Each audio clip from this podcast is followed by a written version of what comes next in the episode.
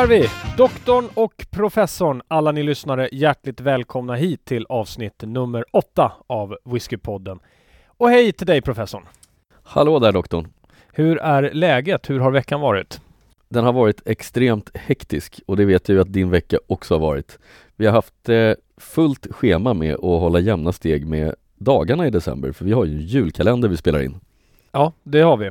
Som går väldigt bra skulle jag väl säga, men som sliter lite på tiden. Det är det ingen tvekan om. Men det är ju roligt att ha den här julkalendern. Det är ju en ny överraskning varje dag. Ja, om, om inte annat så är det ju faktiskt ibland till och med en överraskning för dig eller mig. Ja, det stämmer. Även om jag nu har märkt när jag lyssnar lite på julkalendern ibland att det är lite oklart vem som ger vad till vem för vi är så exalterade över att bara öppna förpackningen. ja, det, ibland så brukar du öppna dina egna överraskningar också. Det stämmer. ja. ja, det är inga kommentarer på den, på den frågan. Alright. Du, vad är det vi ska göra idag? Ska jag bara kort fråga dig innan vi går vidare med våra whiskynyheter och sådär. Ja, i det här avsnittet så kommer vi ju eh, titta på en spännande serie med whisky som är från Bacardi, Last Great Malts. Det är det vi ska fokusera på i ett inslag som kommer efter whiskynyheterna. Ja, utmärkt. Och eh, bara för att säga lite om vad vi ska göra nu utöver whiskykalendern och det här avsnittet i december så har ju vi börjat med ett nytt koncept som vi kallar I labbet. Och vad är då I labbet för någonting professor? Vad är det för specialavsnitt? Ja, vi har ju konstaterat det att eh, det gjorde vi redan på våran billigaste blended-provning att eh, det här kanske är någonting eh, vi skulle ge oss på och börja mixtra ihop saker. Så i labbet, det kommer vara en serie avsnitt där eh, vi helt enkelt får fria händer och går lös på olika laboratoriekoncept. Och nästa avsnitt blir ju också i labbet med doktorn och professorn Vi gör egen glögg. Ja, och det var en rolig session när vi gjorde det. Jättekul session att spela in. Eh, jag vet inte om vi någonsin har haft så roligt i podden. Nej men det, det, stämmer nog för det var extraordinärt. Sen att vi var tvungna att städa i två dagar för det var ju så kladdigt överallt. och vi, eh, vi kan ju hålla lite på till avsnittet och berätta hur vi faktiskt blev tvungna att gå tillväga för vi hade ju varken sil eller ett sätt att värma själva glöggen. Men det löste sig. Det ordnade vi på bästa sätt. Och bilder på det kommer. Det gör det. Okej, då tar vi lite nyheter här då. Decemberlistan den är mycket, mycket lång när det kommer till eh, releaser. Och vi gick igenom några i förra programmet och nu ska vi prata om några fler. Till att börja med då, då Octomore släpper sin 7.3. 7.2 var världens rökigaste whisky. Vad är nu 7.3 professorn? Ja, som jag har förstått det så är det här inte faktiskt världens rökigaste whisky. Eh, det är fortfarande 7.2. Den här är på 169 ppm. Men det mest spektakulära, den har en vit flaska. Ja, den verkar vara genomskinlig och lite frostat glas. Vad, vad är det här? Ja, det här är konstigt men eh, normalt sett så har ju Octomoren svarta flaskor som ser rätt coola ut. Det gör för all del den här också. Det kan vara kanske en antydan om att den inte är fullt så rökig som sin föregångare.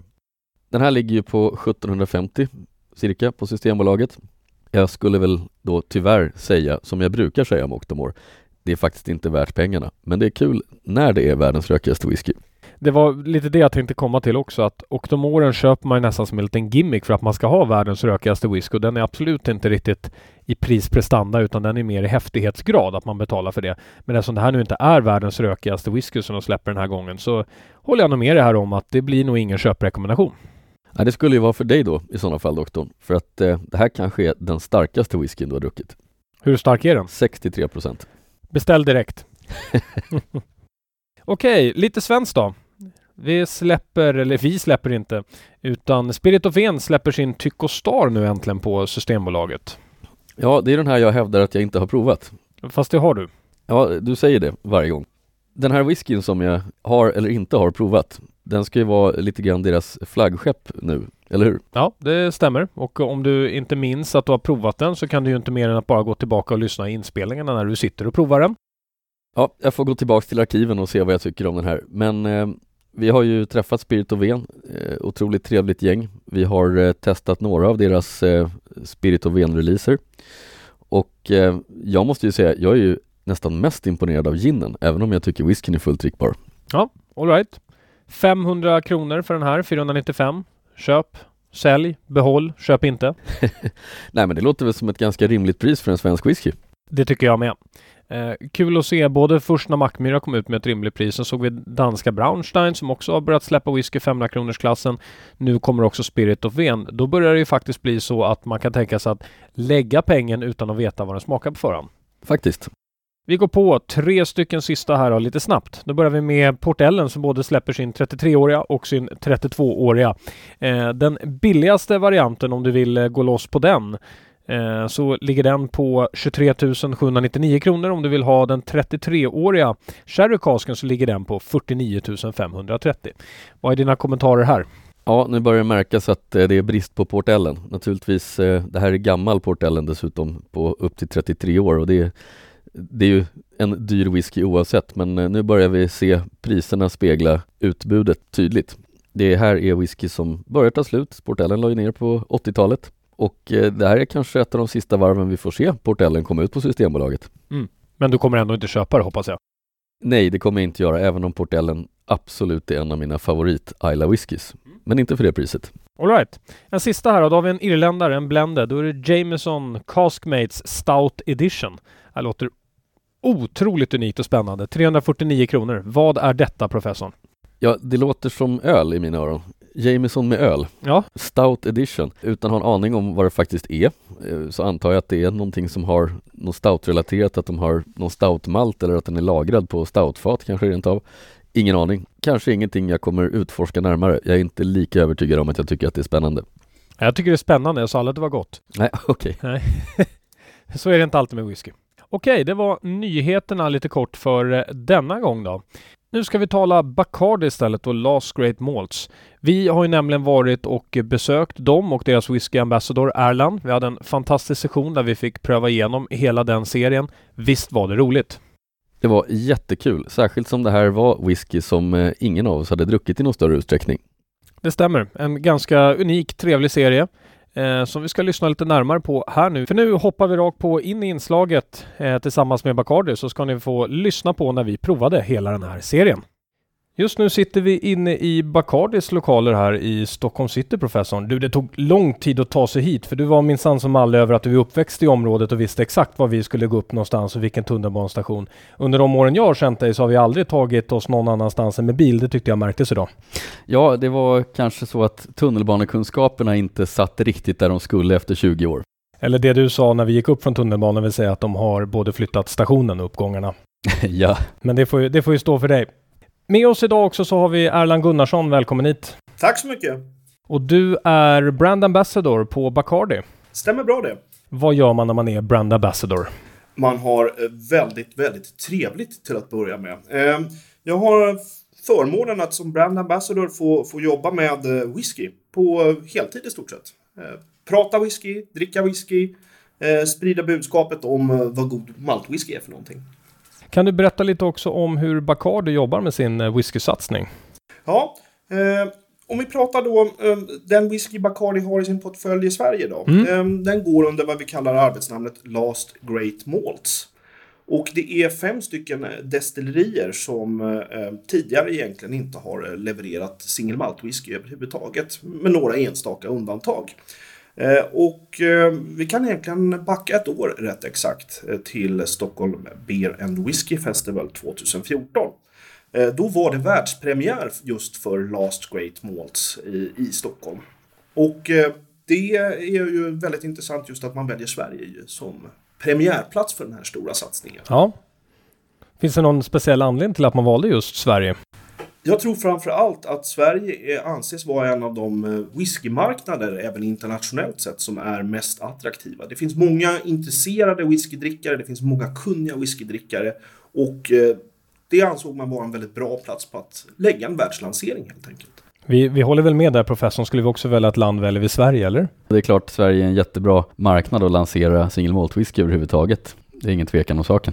Vad finns det för framtida strategi med Last Great Malts eller har Bacardi någon annan häftig sak som kommer här bakom hörnet som man inte känner till? Vi, vi pratar i Sverige, då har vi ju tre stycken av destillerierna som finns idag tillgängliga på Systembolaget och det är Altmore, det är Craigellachie och Aberfeldy. Men det finns ju även två stycken destillerier till i den här serien, eh, nämligen The Devron och Royal Brackla som förhoppningsvis då kommer komma någon gång under 2016 till Sverige. Precis, för det är inte bara så att det här är fem stycken whisky utan det är fem stycken destillerier ska vi ju säga. Ja, precis. Det finns flera olika sorter däremellan. Nu fick du lära dig också hur man uttalar, man uttalar alltså inte Kragelachi, fick jag precis lära mig professorn. Ja, det var bra. Jag visste ju då redan att det hette Kraigelechi. Ja, men, klart det eh, gjorde. men det är kul att du kan lära dig något nytt. Och framför oss nu så har vi som ett smörgåsbord professorn av alla de här fem olika med lite olika åldrar. Vill du dra någon kort kommentar om det? Ja, det här är ju en spännande uppställning med eh, de whisky som vi nämnde alldeles nyss. Och det som framförallt är spännande det är ju att två av de här eh, finns ju faktiskt inte överhuvudtaget i Sverige och har inte funnits att tillgå alls. Eh, alla är ju ganska sällsynta som singelmålt. Jag skulle kort sagt säga det ska bli mycket spännande. Jag är inte så bevandrad i just de här whiskysorterna och har mycket att se fram emot tror jag. Det är bra. Och nu ska vi alldeles strax börja prova dem. Men jag har en liten fråga till alla, alla tre här först. Och det är vilken man tror är förhandsfavoriten som vi tror kommer vinna den här topp 5-listan. För vi ska få göra en varsin topp 5-lista och Erland ska få göra sin topp 5-lista i slutet av vad han tyckte var, var bäst av allting. Och jag sätter nog i min enfald här Royal Brackla som min förhandsfavorit. Ja, det gör inte jag. Eh, utan att veta faktiskt riktigt vad jag pratar om för en gångs skull så sitter nog min, mitt bett på Kreggelechi. Ja, som du också kan uttala. Ja, Det kanske är därför du favoriserar den så mycket. Eh, och Erland då, vad är din förhandsfavorit? Ja, men jag är nog faktiskt eh, benägen att hålla med professorn här. Eh, Just Krigelechi och ehm, den vi har framför oss på bordet här nu. Det, det vet jag av erfarenhet får jag faktiskt säga i det här fallet är, är en het kandidat. Pratade ni ihop er innan här? För det är ju, äntligen får ju professorn medhåll någonstans ifrån tycker jag. ja, det är ju skönt. Det är ju första gången i hela programserien. Ni kanske ska gå ut och äta middag sen? Tillsammans. Ska vi starta provningen då? Ja, det tycker jag vi gör. Vad börjar vi med professorn? Jo, vi ska ju börja med Altmore, 12-årig. Och den här eh, finns ju på Systembolaget, även om den kanske inte är så känd för den bredare publiken. Så låt oss dofta lite. Ja, vad säger du doktorn? Vax. Vax, Är säger det, doktorn. är det första som kommer ut här. En spritig vaxdoft. Jag känner en, en viss fruktighet, men inte alls åt sherryhållet, utan eh, den här fruktigheten kommer av något annat. Nej, det här är päron. Är det päron? Det nu påstår, påstår jag. Vax och päron påstår jag. Du brukar ju alltid påstå att det är äpple, men Ja, men nu påstår jag att det är päron i den här. Men det kan ju vara åt det söta hållet päron, det vill säga att det är så nära äpple man kan komma. Ja, den, har, den har någon form av eh, fräsch fruktighet i doften eh, som jag kan ana dock en liten ton av eh, desinficering i.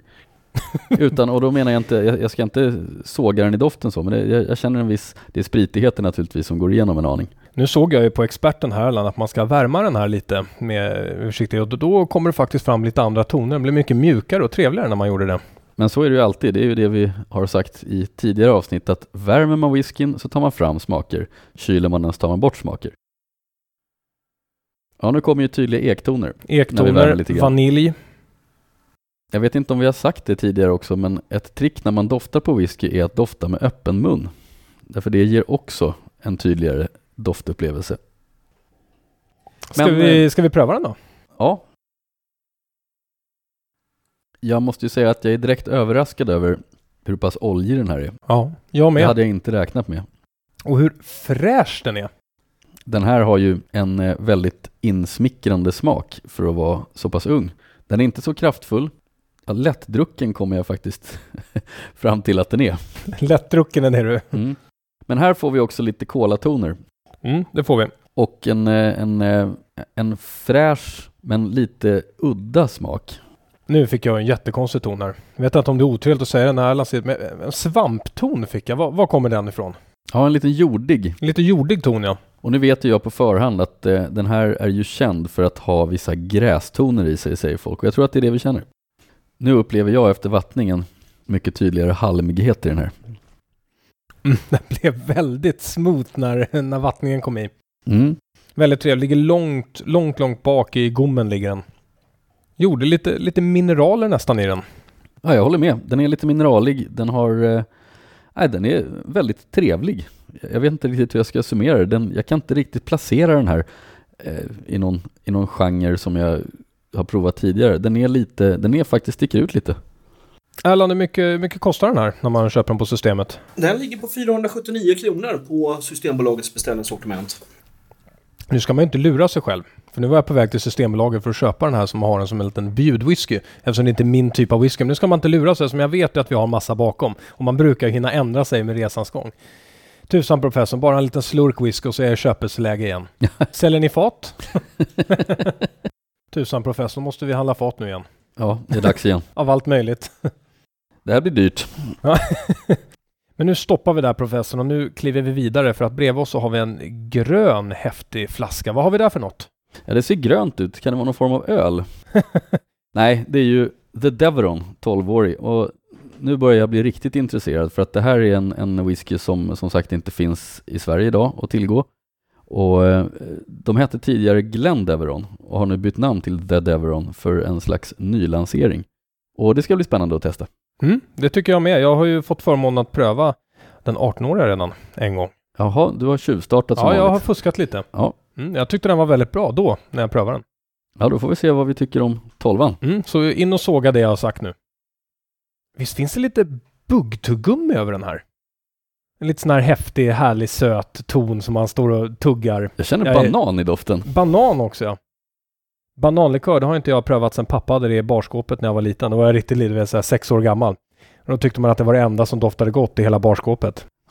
Hur som helst, vi har, jag har lite banan i doften. Lite, lite övermogen frukt på ett trevligt sätt. Mm. En viss maltkropp har vi också i, i doften. Ja, väldigt trevliga yttre frukter. Det, det är lite som, eh, vad hette den här boken? Edens trädgårdar, eller vad hette den? Jag ser framsidan av boken framför mig här. Ja, nu vet jag inte. Nu, nu är du ute och, och Ja, men seglar den, den i... första whiskyn gjorde underverk med, med fantasin här. Ja, jag är mycket nyfiken på att smaka på den här. Ve, vet du vad den här doftar? Den Nej. doftar roligare. Det är lite mer whiskyns Gröna Lund där. Ja, det är faktiskt det. Jag, jag gillar det här. Mm, Okej, vi prövar. Jag måste nog säga att jag hade förväntat mig lite mer Mm, av med. smaken jämfört med doften. Doften var mycket mer spännande och rolig än vad smaken var. Den går ner lite den här eh, beska maltsmaken som ibland kan komma fram tycker jag, sippra ner lite på, på tungan. Och så tyckte jag att den helt tyvärr tappade lite eh, buggtuggummit, bananen och ja, nästan allt det roliga med Gröna Lund försvann. Och, och kvar står den gamla karusellen som stod och rostade på andra sidan. inte, inte riktigt så är men eh, lite besviken efter för doften var grym. Jag ska väl inte säga att den är en platt whisky, men, eh, men den, eh, den har ett ganska försiktigt uttryck i smaken jämfört med doften. Det, det här är lite det som är tråkigt med whisky överhuvudtaget, att den kan dofta på ett visst sätt och smaka någonting helt annat. Erland, håller du, håller du med oss här eller är vi helt ute och cyklar? Nej, man ska komma ihåg här, den är en 12-årig whisky. Den eh, har inte så himla många år på nacken på, på de här faten. Eh, jag kan instämma lite i den här fruktighetstonen man får i, i näsan. Det är någonting jag hittar själv ofta i det. Jag, jag får en äpplekaraktär som träder fram personligen väldigt tydligt. Sen också märker man ju tydligt att det är bourbonfat som har varit involverat i det här. Det kommer en nästan en, en liten ton av smörkola som lägger sig över det här och lite vaniljdoft kan jag, kan jag hitta i det här som är, är rätt tydlig. Så att, eh, man ska tänka på att den ligger på 40% också, så den eh, är inte så jättestark alkoholmässigt. Nu har jag vattnat den. Den fick faktiskt en eh, lite mer framträdande smak. Nu känner jag betydligt mera ektoner, men också, nu börjar jag kunna ana bourbon i den efter vattning. Var det så? Jag undrar hur mycket jag vattnade då, för jag tyckte smakerna nästan helt försvann i min. Ja, då kanske du vattnat för mycket, men har du tagit Ramlösa i? Nej, nej, det är klart jag inte har tagit Ramlösan i. Ja, vad ska man säga? En, eh, det här är nog en whisky som jag, den pers personligen faller den inte mig i smaken, men jag skulle hemskt gärna ha den som eh, doftljus. Ja, det, jag håller helt med. Doften var bättre än smaken. Ska vi gå vidare? Vi ska vidare nu till nummer tre och här hörde jag nu precis att ni har lite olika uttal på hur den här ska uttalas. Vi börjar med professorn. Vad är det vi ska prova? Kreigelachi. Och så prövar vi med Erland då. Kregeleki. Vem har rätt? Ja, det måste ju vara jag. Jag har ju alltid rätt. Även du berättade att det kan, eh, Erland, att det kan ju vara lite olika beroende på var i Skottland man är, man lite olika uttal. Absolut. Jag har hört, eh, även i Speyside-området där vi nu fysiskt befinner oss om vi pratar destilleriet, så har jag faktiskt hört lite olika varianter. Och även när jag pratat med mina skotska kollegor så kan jag höra både det ena och andra. Så att, eh, jag går lite faktiskt på det distillery managern, sättet han uttalar det när jag var där. Så att då kan jag känna mig trygg i att det är i alla fall någon på plats som har spikat uttalet. Har du någon på plats, professorn, som har spikat ditt uttal? Ja, alltså det brukar ju alltid vara så att de här auktoriteterna, de brukar ju alltid påstå att de har rätt. Men i själva verket så vet jag att det är ju jag som är den auktoriteten på galliska här. Bra, ska vi prova whisky nu istället Ja. kanske? Så Vi går över till det. då börjar vi med att dofta på den då. Men oj vad trevligt! Nu ska vi nämna att det här är ju inte standardreleasen av Craig Gallagher. Det här är en Craig Gallagher 17. Precis, den är 17 år gammal. Oj, det, det är som att gå in i ett helt annat rum. Ja, nu är vi tillbaks på riktiga Speyside. Det här andra undrar man om det kommer från någon liten förö. Att man behöver ta ytterligare en färja för att komma hit. För att pröva det här. Ja, sist jag kollade så ligger ju Speyside på fastlandet, men eh, Så du påstår att Skottland inte är en ö här nu? ja, du menar den? Storbritannien och... Ja. Ja. Petigt. Oh, det finns russin och mandel hittar jag här i. Intressant. Jag försöker faktiskt, jag tycker att den här är ganska, den har ganska mycket dofter. Ja, det har den. Det var svårt att ta ut de första, det ska jag ärligt säga. Men russin och mandel tycker jag är till. Och lite vindruvor. Och då, och då pratar jag inte de här söndermöglade som man hittar inne på Coop här en trappa ner. Utan eh, då pratar jag faktiskt att de är plockade rakt i en härlig spansk trädgård. Är det samma vindruvor de här som är på den här ensamma landsvägen där livet tar slut? Det kan det ju vara. Nej, det är det verkligen inte. Det var om en blended whisky, Erland. Det behöver inte oroa dig nu. Där var det några vindruvor som var på en väldigt enslig väg. Ja, jag får ju definitivt lite dofter av torkad frukt av någon sort. Den har nästan som en annorlunda... Den är parfymerad, eh, tycker jag. Inte parfymerad på det sättet som ungdomarna springer runt idag, utan det är en gammal tant parfymerad som kommer fram i tonerna. Eh, Men den har en annorlunda maltighet. Vi tar och provar den och ser vad den erbjuder i smaken istället. Det gör vi. Ja, här kan jag i alla fall säga direkt att den här behöver vatten. Mm, det behöver Den den. här är lite, den är lite för kraftig i spritigheten, men väldigt sympatisk. Men även i maltigheten tycker jag. Vi ska se vad som händer här nu när vi vattnar den något. Den blev väldigt insmickrande i doften efter vattning, kan jag konstatera. Det blev den. Det intressanta är att jag tycker inte att den har alls lika mycket smaker i munnen som den hade i doften. Jag tycker att den har en övertydlig ton av maltighet, en unik liten maltighet. Det beror säkert på de olika lagringarna som du berättade om innan. Så tycker jag den har en liten russintopp och, eh, och en liten parfymering runt det hela med en liten fruktighet. Nej, här håller jag faktiskt inte riktigt med. Jag tycker att, precis som du säger så blev den lite mer dämpad i ansatsen i smaken efter vattning.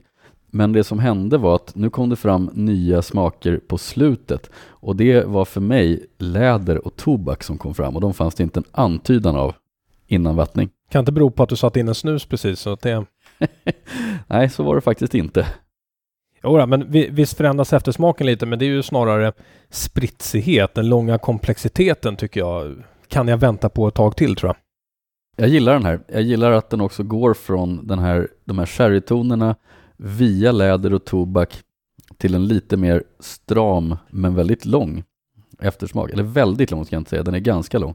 Det är inte så att du bara sitter och försvarar den här nu för att du valde den som din favorit på förhand? Jo men självklart. Ja, okej. Men som du vet, jag har ju rätt. Ja, ja, ja. Vi får väl se när vi kommer till nästkommande här. Jag får ju dock ge att eh, finishen är lång, vilket jag gillar. Och det är ingen otäck finish, för ibland tycker jag att finishen kan ligga på bakdelen av tungan. Det har jag lite svårare för. Här ligger den i kinderna och gommen och rör sig lite trevligt. Den hoppar runt lite. Ja, faktum är att nu, nu sista gången jag drack den här nu så fick jag till och med lite sälta och jod på allra sista tonen. Det var, det var intressant. Oh, Professor Goes Ayla. Ja, nu är vi hemma igen. Okej, ska vi gå vidare? Ja, det är precis vad vi ska. Får vi se om ni uttalar den här likadant. Då börjar vi med eh, Erland då. då. Ja, då eh, har vi klivit eh, faktiskt utanför Speyside den här gången och befinner oss i centrala Highlands. Och eh, i det här fallet så heter destilleriet Aberfeldy.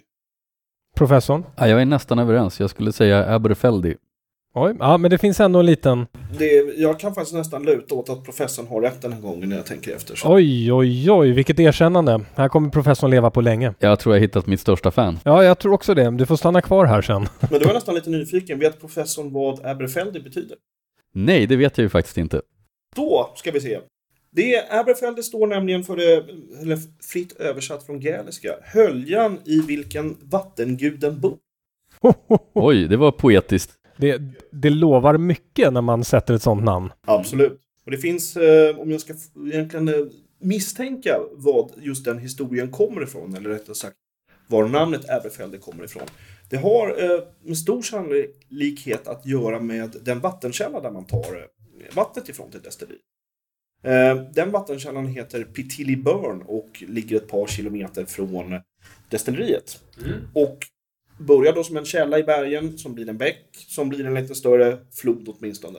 Och den mynnar då ut i floden Tay. Och det som är lite speciellt med den här vattenkällan, förutom att den är, eh, producerar bra vatten för whisky, är att det innehåller guld. Ah, Oj, oj, oj. Och jag skulle tro att det har en tämligen eh, nära anknytning just till att då Aberfeldy, höljan där vattenguden bor, det är någon som har hittat guld och då är det nästintill gudomligt. Jag förstår. Vilken bra story. Jag älskar den här whiskyn. Jag behöver inte ens pröva den. Jag vill ha den nu. Ja, du har betygsatt storyn och den får högsta betyg. Den får högsta betyg. Jag älskar storytelling. Kul. Sen eh, är det väl så, om inte jag missminner mig, att Aberfeldy, jag har ju nämligen varit där, eh, och eh, det, jag var lite besviken faktiskt när jag besökte destilleriet, för det var inte så mycket Aberfeldy där, det var Doers World of Whiskey. Och Doers är väl en eh, väldigt stor skotsk blended whisky, om jag inte har missminner mig helt, men jag har inte sett mycket av den i Sverige. Det är helt korrekt. Eh, Doers kan man säga, det är Doers som egentligen äger alla de här fem destillerierna i Last Great Malts. Och Doers ägs i sin tur av Bacardi, så det är det som förklarar lite strukturen bakom eh, hur, hur det är uppbyggt med whiskyn inom Bacardi. Eh, men Doers har, precis som du säger, eh, en eh, blended whisky som heter White Label, eh, som inte finns faktiskt i Sverige. Den är jättestor utomlands i USA.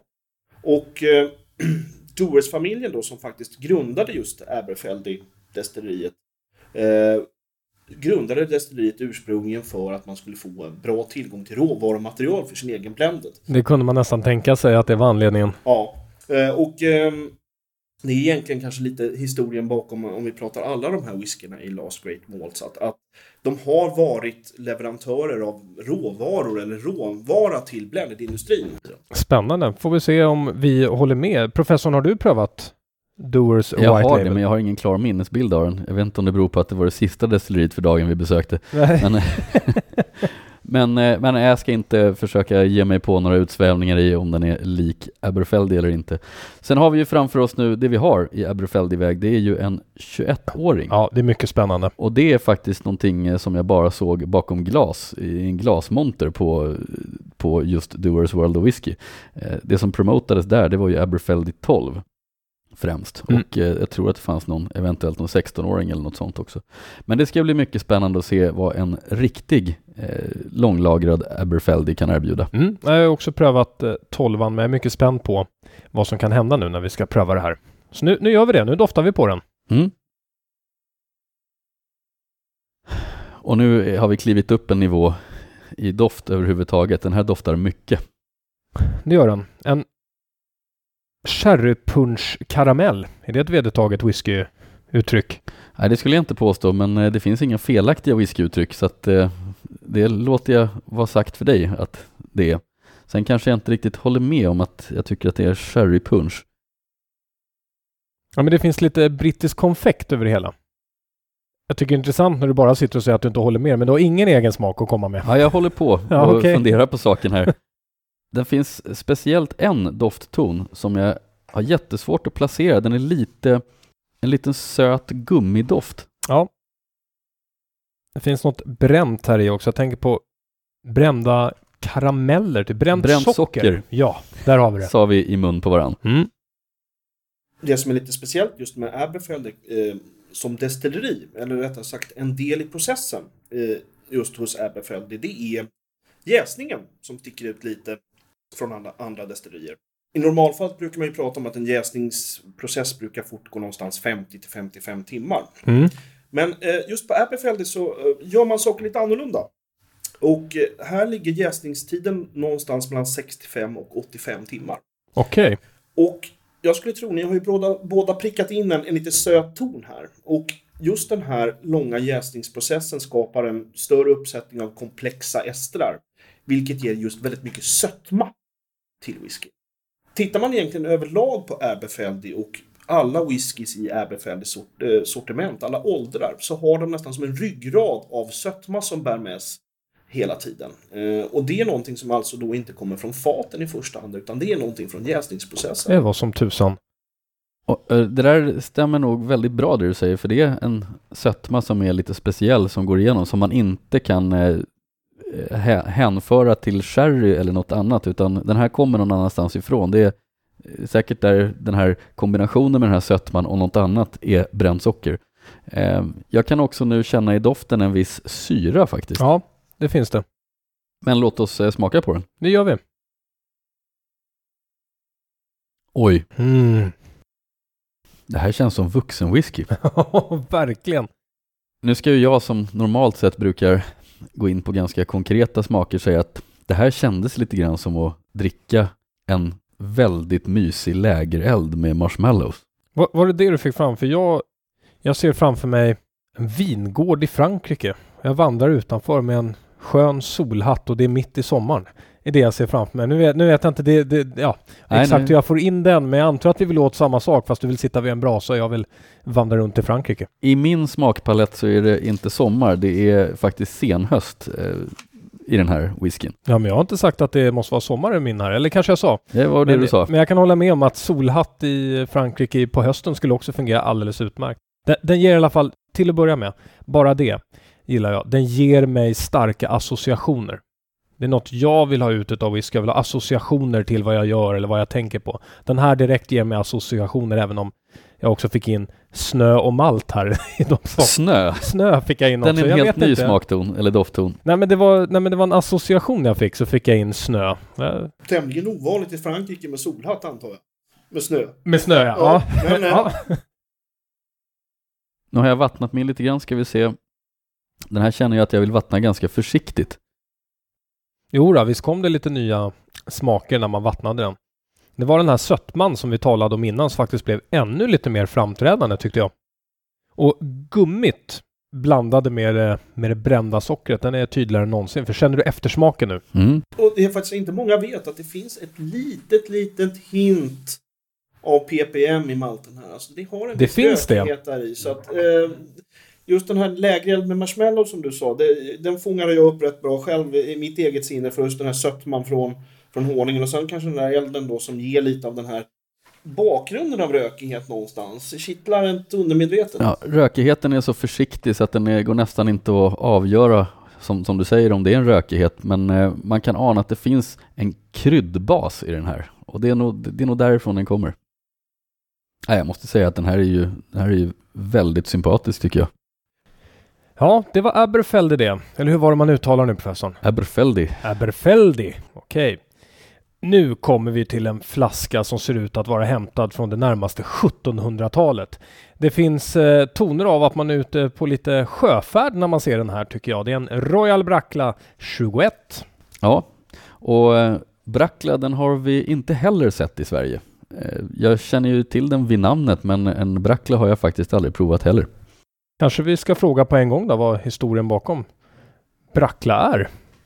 Ja, om vi, om vi börjar egentligen baklänges och tittar på den enskilda flaskan vi har, den 21-åriga. Det är, är nog bland de första flaskorna som har satt sin, eh, sin fot i Sverige. Eh, första buteljeringen av eh, Royal Brackla i, i dess åldrar 12, 16 och 21, den skedde nu också precis före Stockholm Beer Whisky Festival i år. Så att, vi pratar alltså om eh, en och en halv gammal en och en halv månad sedan den första buteljeringen skedde överhuvudtaget av eh, Brackla som Brackla ska vara, det vill säga i, i sitt destilleriformat.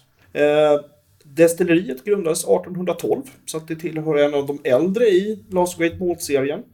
Och var faktiskt det första histori- eh, destilleriet i historien som fick en Royal Warrant, alltså blev kunglig hovleverantör i England 1833. Ska vi dofta då? Ja, Mm. Den doftar gammalt, lite dammigt. ja det gör Det är den som faktiskt. om man dammar av flaskan när man står här och... Mm. Det här känns som en jättegammal whis- whisky, men inte gammal som i länge lagrad utan gammal som i gammaldags. Ja, lite kummin, lite fruktighet. Den är väldigt kejserlig får jag säga. Vet du, den här doftar faktiskt som en riktigt, riktigt exklusiv snaps. Är du tillbaka på midsommar nu igen? Ja, nu är jag tillbaka på midsommar. Nej men den har en viss kryddighet i doften som, eh, som jag inte känner igen från någon av de andra vi har provat alls. Utan den här den har en unik kryddighet med en örtdoft. Som jag tycker är ganska framträdande. Tillsammans med en viss sötma. Och sen det här dammiga som du säger. Vilken etikett! Alltså bara att ha den här i hyllan blir man ju stolt över nästan när man tittar på den. Den är elegant. Nej, jag måste vi, vi, vi smaka måste smaka nu. Men vilken blommighet den har. Ja. Jag har fortfarande örter i smaken, inte lika framträdande kanske, men nu kombinerat med en, en blommighet med söta blommor. Vad det nu är för någonting. Jag vet exakt vad det är. Jag har skrivit ner det här. Man ser liksom framför sig vitsippor under ett eh, lite så här bibo mitt ute på en, på en stor åker i maj precis när blommorna har blommat ut. Kan det kanske ligga nära den här herrgården jag talade om tidigare? Det gör det antagligen. Och i den här herrgården, där sitter man och dricker en eh, lite sträv sherry. Mm. För det är någonting jag får ut också i den här. Det är inte en, en odelad sherry-sötma, utan jag känner faktiskt andra sherrytoner än bara sötma. Som jag tycker är betydligt fräschare än kanske ren söt sherry. Den, har, den har en viss bitterhet kombinerat till det där. Kan det vara så att det är förbundet? Det vill säga att sherryfatet i det här fallet inte just är forcerat enbart eh, sött. Jag tycker att honungen är tydliga. Mm. Men det är en eh, mörk honung. Det är intressant just ni nämner med den här honungssötman. För Mm. att eh, Royal Brackla delar en egenskap med ett av de andra destillerierna här. Och det är just Aberfeldy med den långa fermentationstiden, den långa jäsningen. Samma sak här så kan man hitta lite av den här sötman som kommer med i bakgrunden. Eh, som inte nödvändigtvis då bara kommer från faten utan den, den finns, eh, finns, följer med från jäsningen. Och honung brukar vara just en av de karaktärerna som framträder tack vare den här längre jäsningsprocessen. Spännande, för jag, jag tycker honungsbot på den här åkern, den är, den är tydlig. Det är ett stort honungsbo. Och jag gillar ju honung i whisky. Jag tycker det är gott. Okej, då har vi väl tagit oss igenom alla fem. Ska vi sätta en topp fem då, av de här? Ja, det tycker jag vi gör. Ska vi börja med den vi eh, tyckte var sämst utav dem då? Så går vi uppåt och så får, eh, så får Erland börja då, helt enkelt. Jag tycker någonstans man kan ha, få en liten känsla för vad whiskyn kan komma att erbjuda med lite högre ålder. Och Devron är väl den som är kanske lättast i segmentet här. Och då pratar vi egentligen både ålder och kanske karaktär. Den är tämligen insmickrande och, och lite blommig och lite lätt. Ehm, Så det funkar nog för den som, som absolut vill ha någonting som är, är inte så utmanande. Ehm, Så den kanske jag skulle sätta som, som mest åtkomlig i gänget. Och sen blir det faktiskt rackarns svårt. Eh, de har ju olika karaktär allihopa. Eh, vilket jag tror ni även själva har upptäckt. Eh, jag skulle nog sätta Är befälld i 21 som nummer två. Och det är inget lätt val. Men den, den har just den här sötman som gör att den blir lätt åtkomlig. Men samtidigt den har ju den här fatkaraktären och kryddigheten som ligger igenom väldigt långt också. Sen skulle jag nog faktiskt gå på Altmore 12 som är kanske lite särlingen i gänget någonstans. Med sin finstämda elegans, stramhet, eh, de lätta grästonerna. Men vid rätt tidpunkt en helt makalös representant för bra Speyside whisky.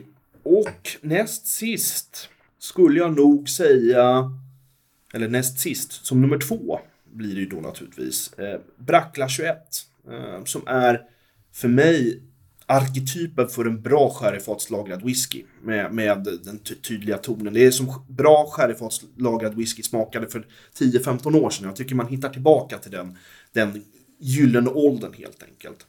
Och sen måste jag nog säga, jag, jag står fast vid mitt förstahandsval här, att eh, den 17-åriga Kragelliken, det är, det är klassens bråkstake. Den är så charmig, den, den, den är, den är som, som Speyside var förr helt enkelt. Eh, den eh, bugar sig inte för någon, den bockar inte för någon annan, utan den är, den är vad den är helt enkelt. Så det, det är nog den ordning jag skulle sätta det. Okej, då har vi fått Erlands lista. Experten kallar vi honom. Så sätter professorn sin lista och så kan jag vara utmanaren då till hela. Eller vi, vi tar dem efter varandra. Så vi börjar med din sämsta, så tar jag min sämsta också då. Mm.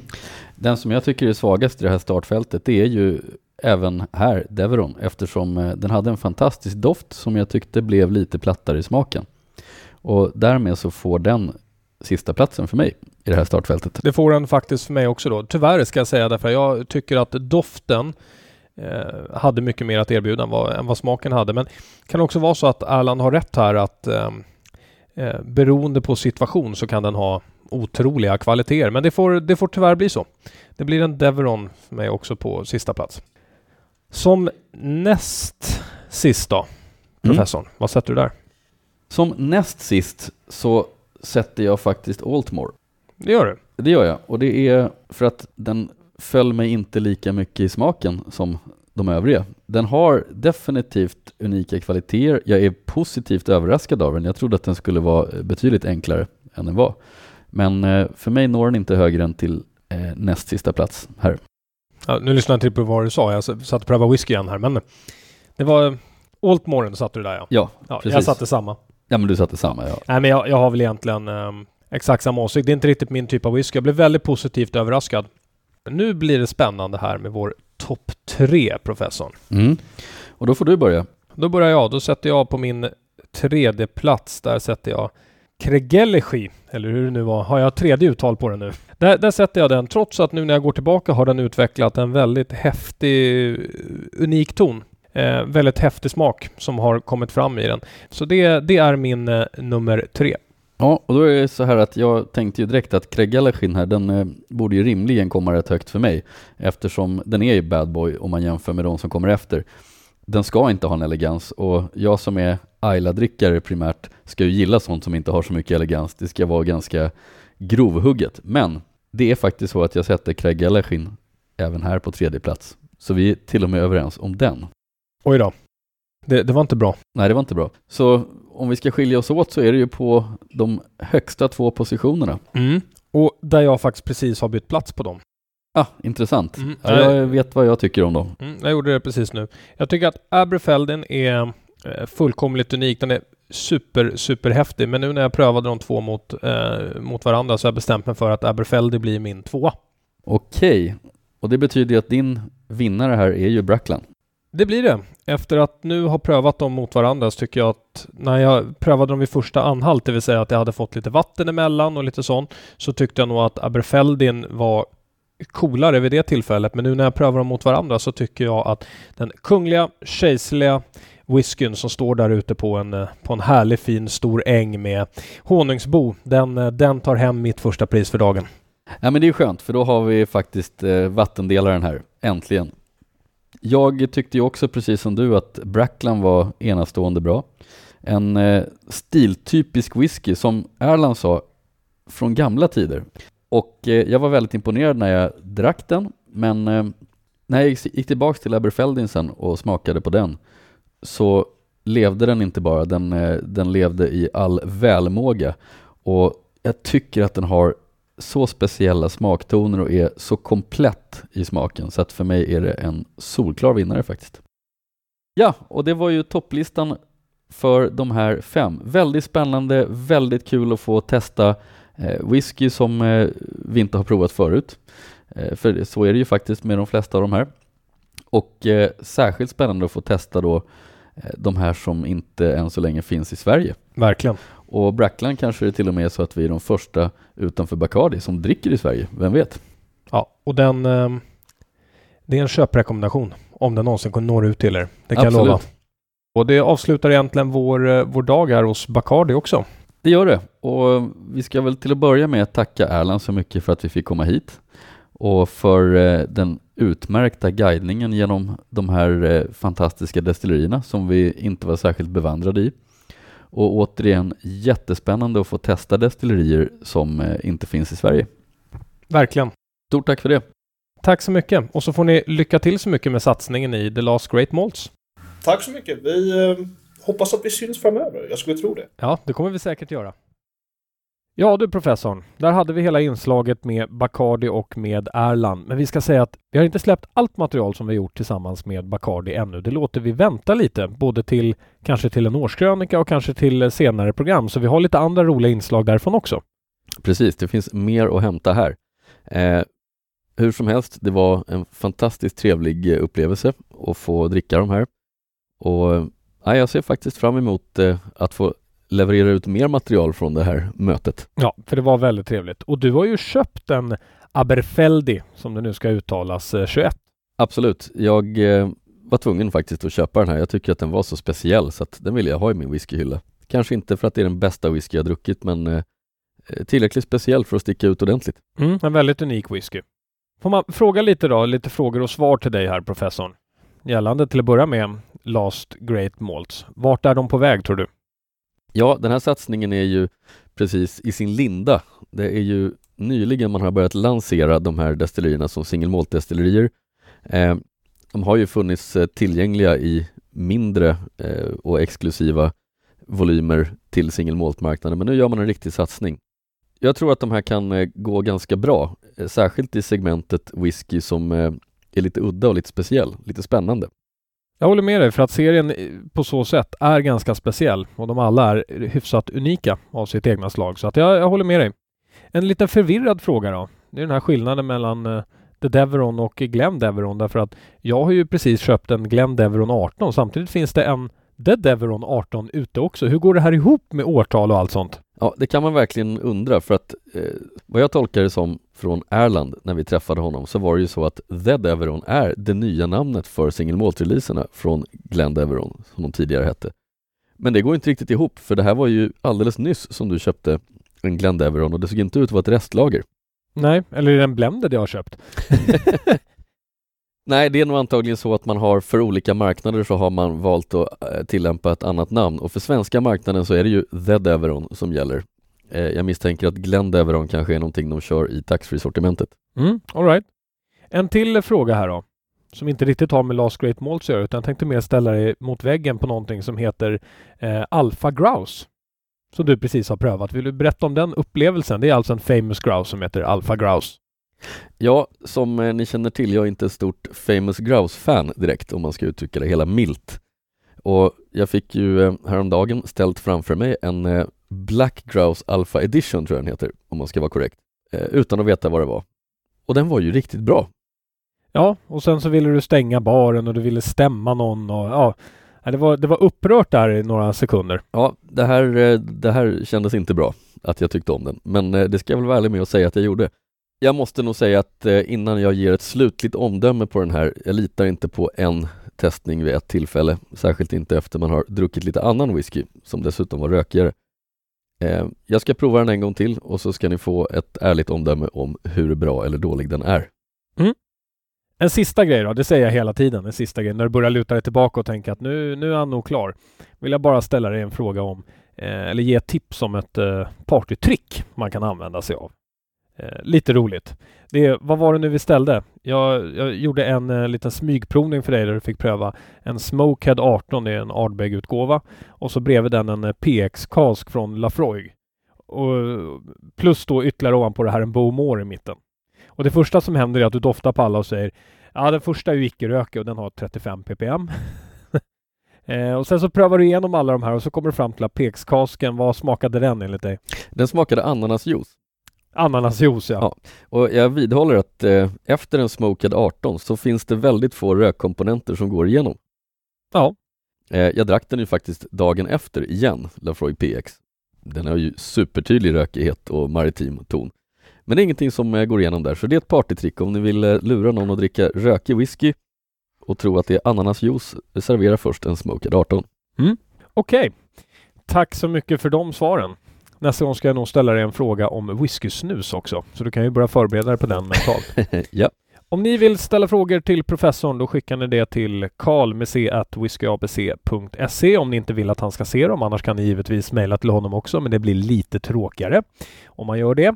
Eh, och med all glädje naturligtvis kan ni ställa frågor på Facebook också till oss. I nästa avsnitt här av professorn, då ska vi släppa lite i labbet och då ska vi göra egen glögg baserad på whisky. Ja, det här är ju ett riktigt spektakel. Jag tror att det kan vara det kan nog vara nästan lika kul att lyssna på som det var att göra det. Ja, det, det, kan vara så. Och för oss personligen så är väl det det roligaste vi gjort sedan Blended-avsnittet när vi skulle pröva Systembolagets fem billigaste blender. Så får vi välja vill vi jättegärna att alla ni sitter och lyssnar på det avsnittet och försöker dela glädjen med oss. Ja, och vi ska väl också nämna det att eh, om ni tror att vi bara tänker sitta och göra traditionell glögg så har ni fel. Det här kommer vara spektakulärt. Det roliga i det hela är också att vi har en tävling om vem som kunde göra bäst. Mm. Jag kan inte avslöja hur det har gått ännu, professorn. Nej, det ska vi inte göra. Nej. Julkalendern, missa inte den. Det finns massor utav luckor kvar att öppna och vill ni följa julkalendern så gör ni det på whiskyabc.se eller vår Facebook-sida. Eh, Facebook slash whiskypodden. Och det var väl allt för den här gången va, professorn? Ja, vi har inte mer att bjuda på idag, men vi återkommer snart med nästa avsnitt i labbet. Yes, och nu är det dags att eh, lyssna på vår outro-melodi. En låt som jag personligen har börjat tröttna lite på. Ja, det får jag nog hålla med om. Men eh, skål! Skål på dig professorn, vi syns!